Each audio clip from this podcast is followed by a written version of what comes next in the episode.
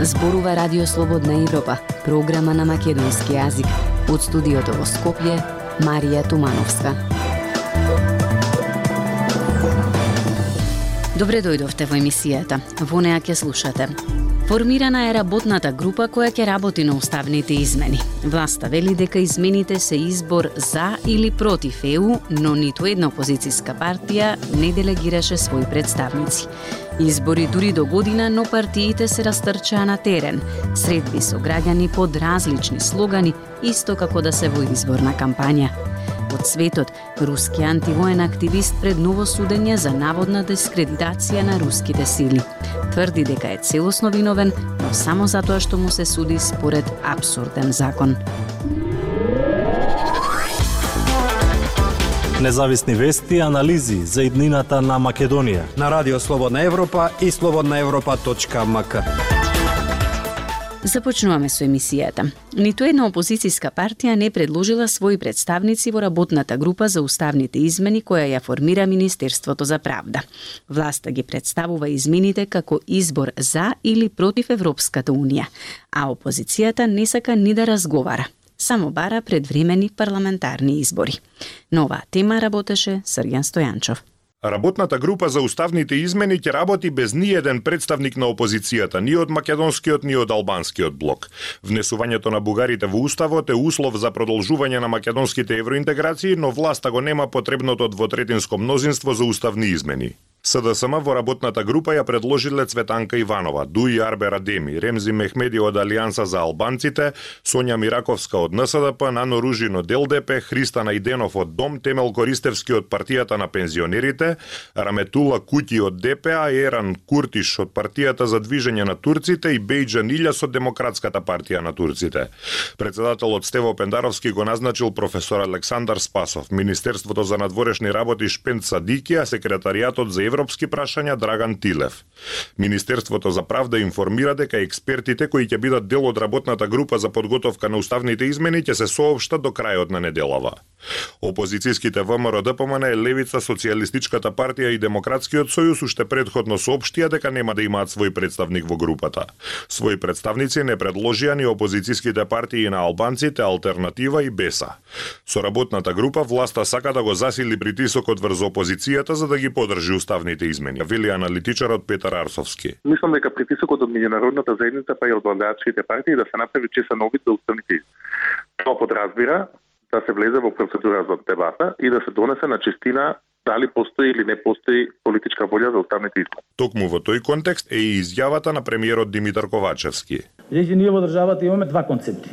Едниот концепт се политички партии кои поддржуваат Северна Македонија членка на НАТО и на Европската унија и имаме втора група на политички партии предводени од Левица или ни од заложник ВМРО да ДПМН кои што се против членството на земјата во НАТО и во Европската унија. Опозицијската ВМРО ДПМН без чии гласови нема мнозинство за измени бара предвремени парламентарни избори на кои се надева дека ќе победи.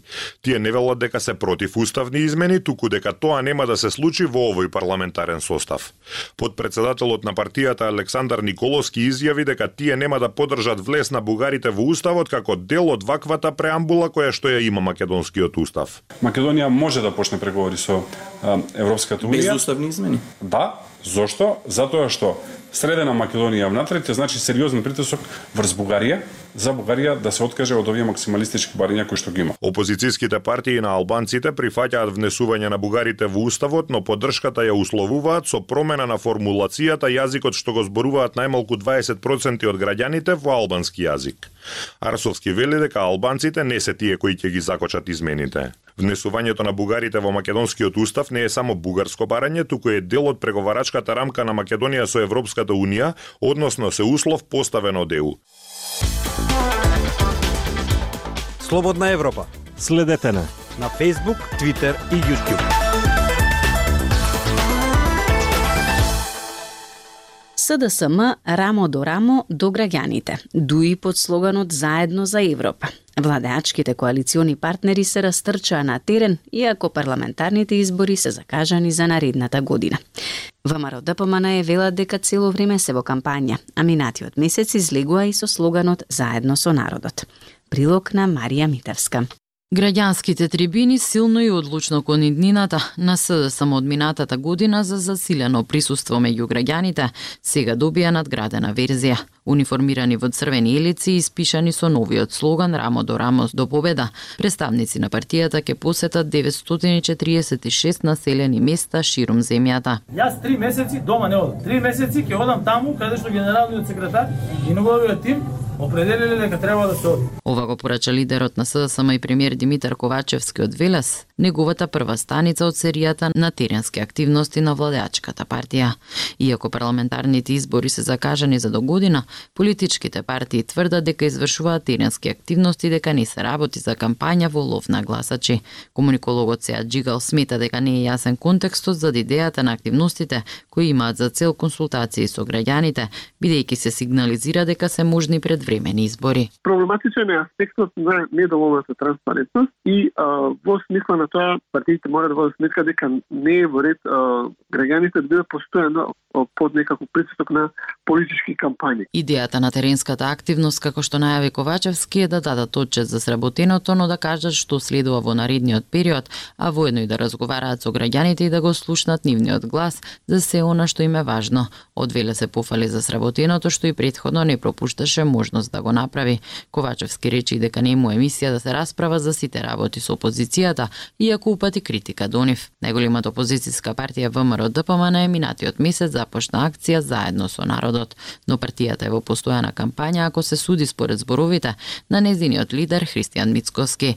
ВМРО ДПМН е народна партија и кампањата и трае 365 дена по годината, изјави Мицкоски запрашан за теринските активности на СДСМ и не му остана должен на неговиот најголем политички ривал но според комуникологот Джигал фокусот на владеачките партии сега е изместен од најавите за реформи, борба со економската криза и други предизвици на кампањи мобилизација за избори и поголема присутност во јавноста. Ако се растегнат овие периоди на водење на кампања и да станат произволно, односно кога сакат партиите да ги прават, проблематични се, значи не само дефокусирање на јавноста на граѓаните од важни економски, политички и други прашања, туку и сега тие функционери кои што наместо да бидат во канцелариите да ги вршат своите јавни должности, сега тие треба да одат на терен и да разговараат со граѓаните. Ниту најголемиот коалиционен партнер на СДСМ во владата Дуи не мирува и под мотото заедно за Европа неодамна излезе на средби со граѓани во Скопската населба Чаир. Министрите од најголемата партија од албанскиот блок која има најдолг стаж на власт отидоа и чекор подалеку,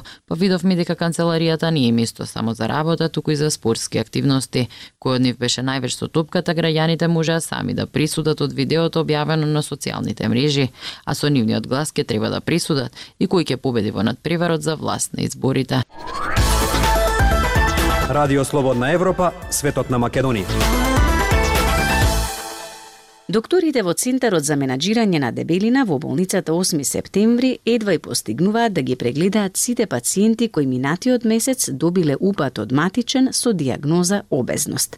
Скоро една третина од прегледаните се тинејџери на возраст од 14 до 18 години. Лекарите предупредуваат на штетните последици по здравјето од оваа диагноза.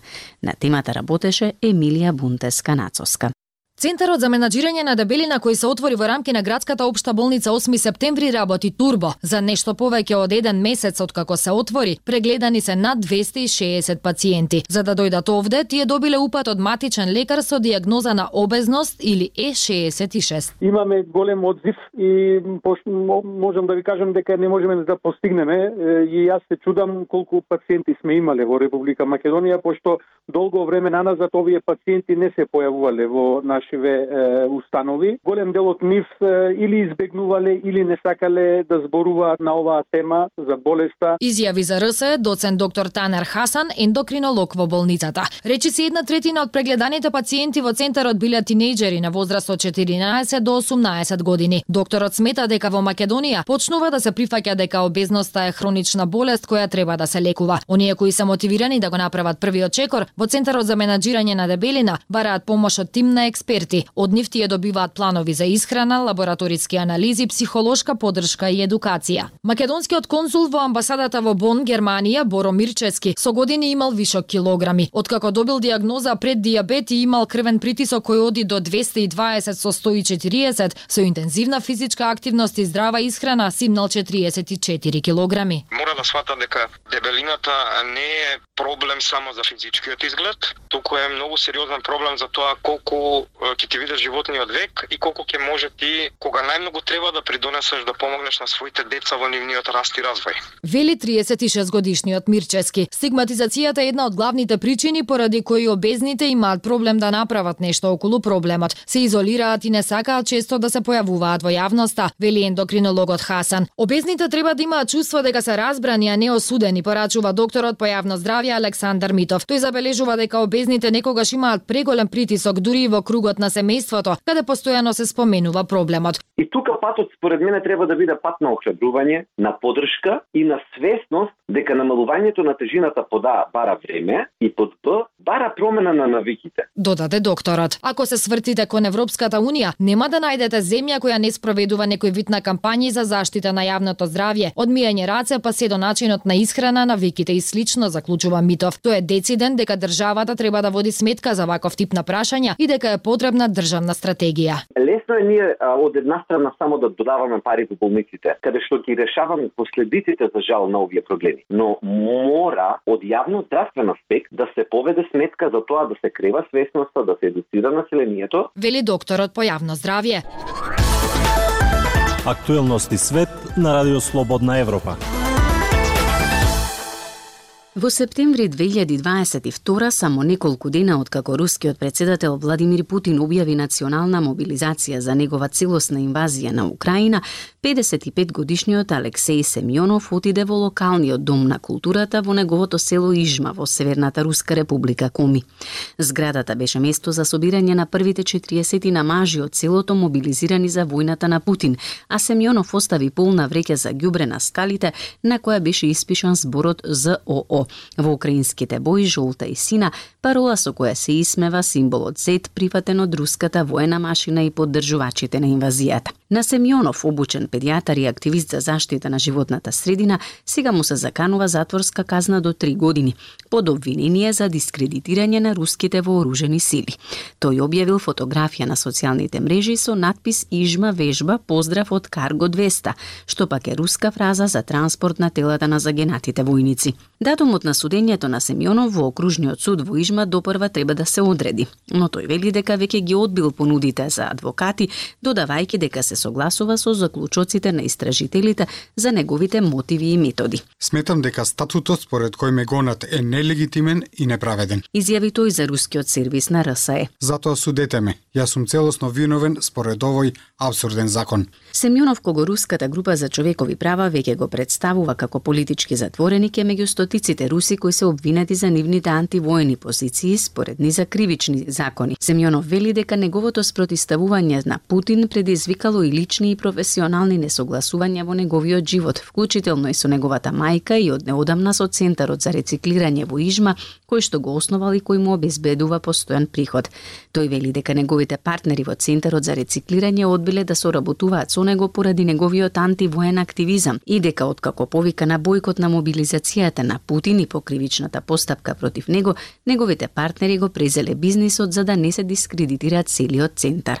Откако Путин ја започна инвазијата на Украина во февруари 2022 Семјонов два пати беше уапсен и казнет откако беше прогласен за виновен за дискредитација на руските вооружени сили. Тој одбил да ја плати казната од 367 долари не затоа што немал пари, туку затоа што не сакал да финансира криминална војна. Семјонов е и татко на три сина, на возраст за мобилизација, од кој едниот веќе е казнат поради учество на антивоен протест и сака да ја напушти Русија. Според Семјонов, неговите синови се обидуваат да живеат надвор од домот за да избегнат да бидат мобилизирани и се кријат од периодичните рации за лоцирање на мажи на возраст поволна за мобилизација. Им велам, не треба никаде да одите. Ако сакаат насилно да ве мобилизираат, преправајте се дека сте мртви. На владата не и требаат мртви луѓе. Порачува рускиот антивоен активист Семјонов. Толку во оваа емисија ја слушавте програмата на македонски јазик на Радио Слободна Европа. Од студиото во Скопје ве поздравуваат Дејан Балаловски и Марија Тумановска.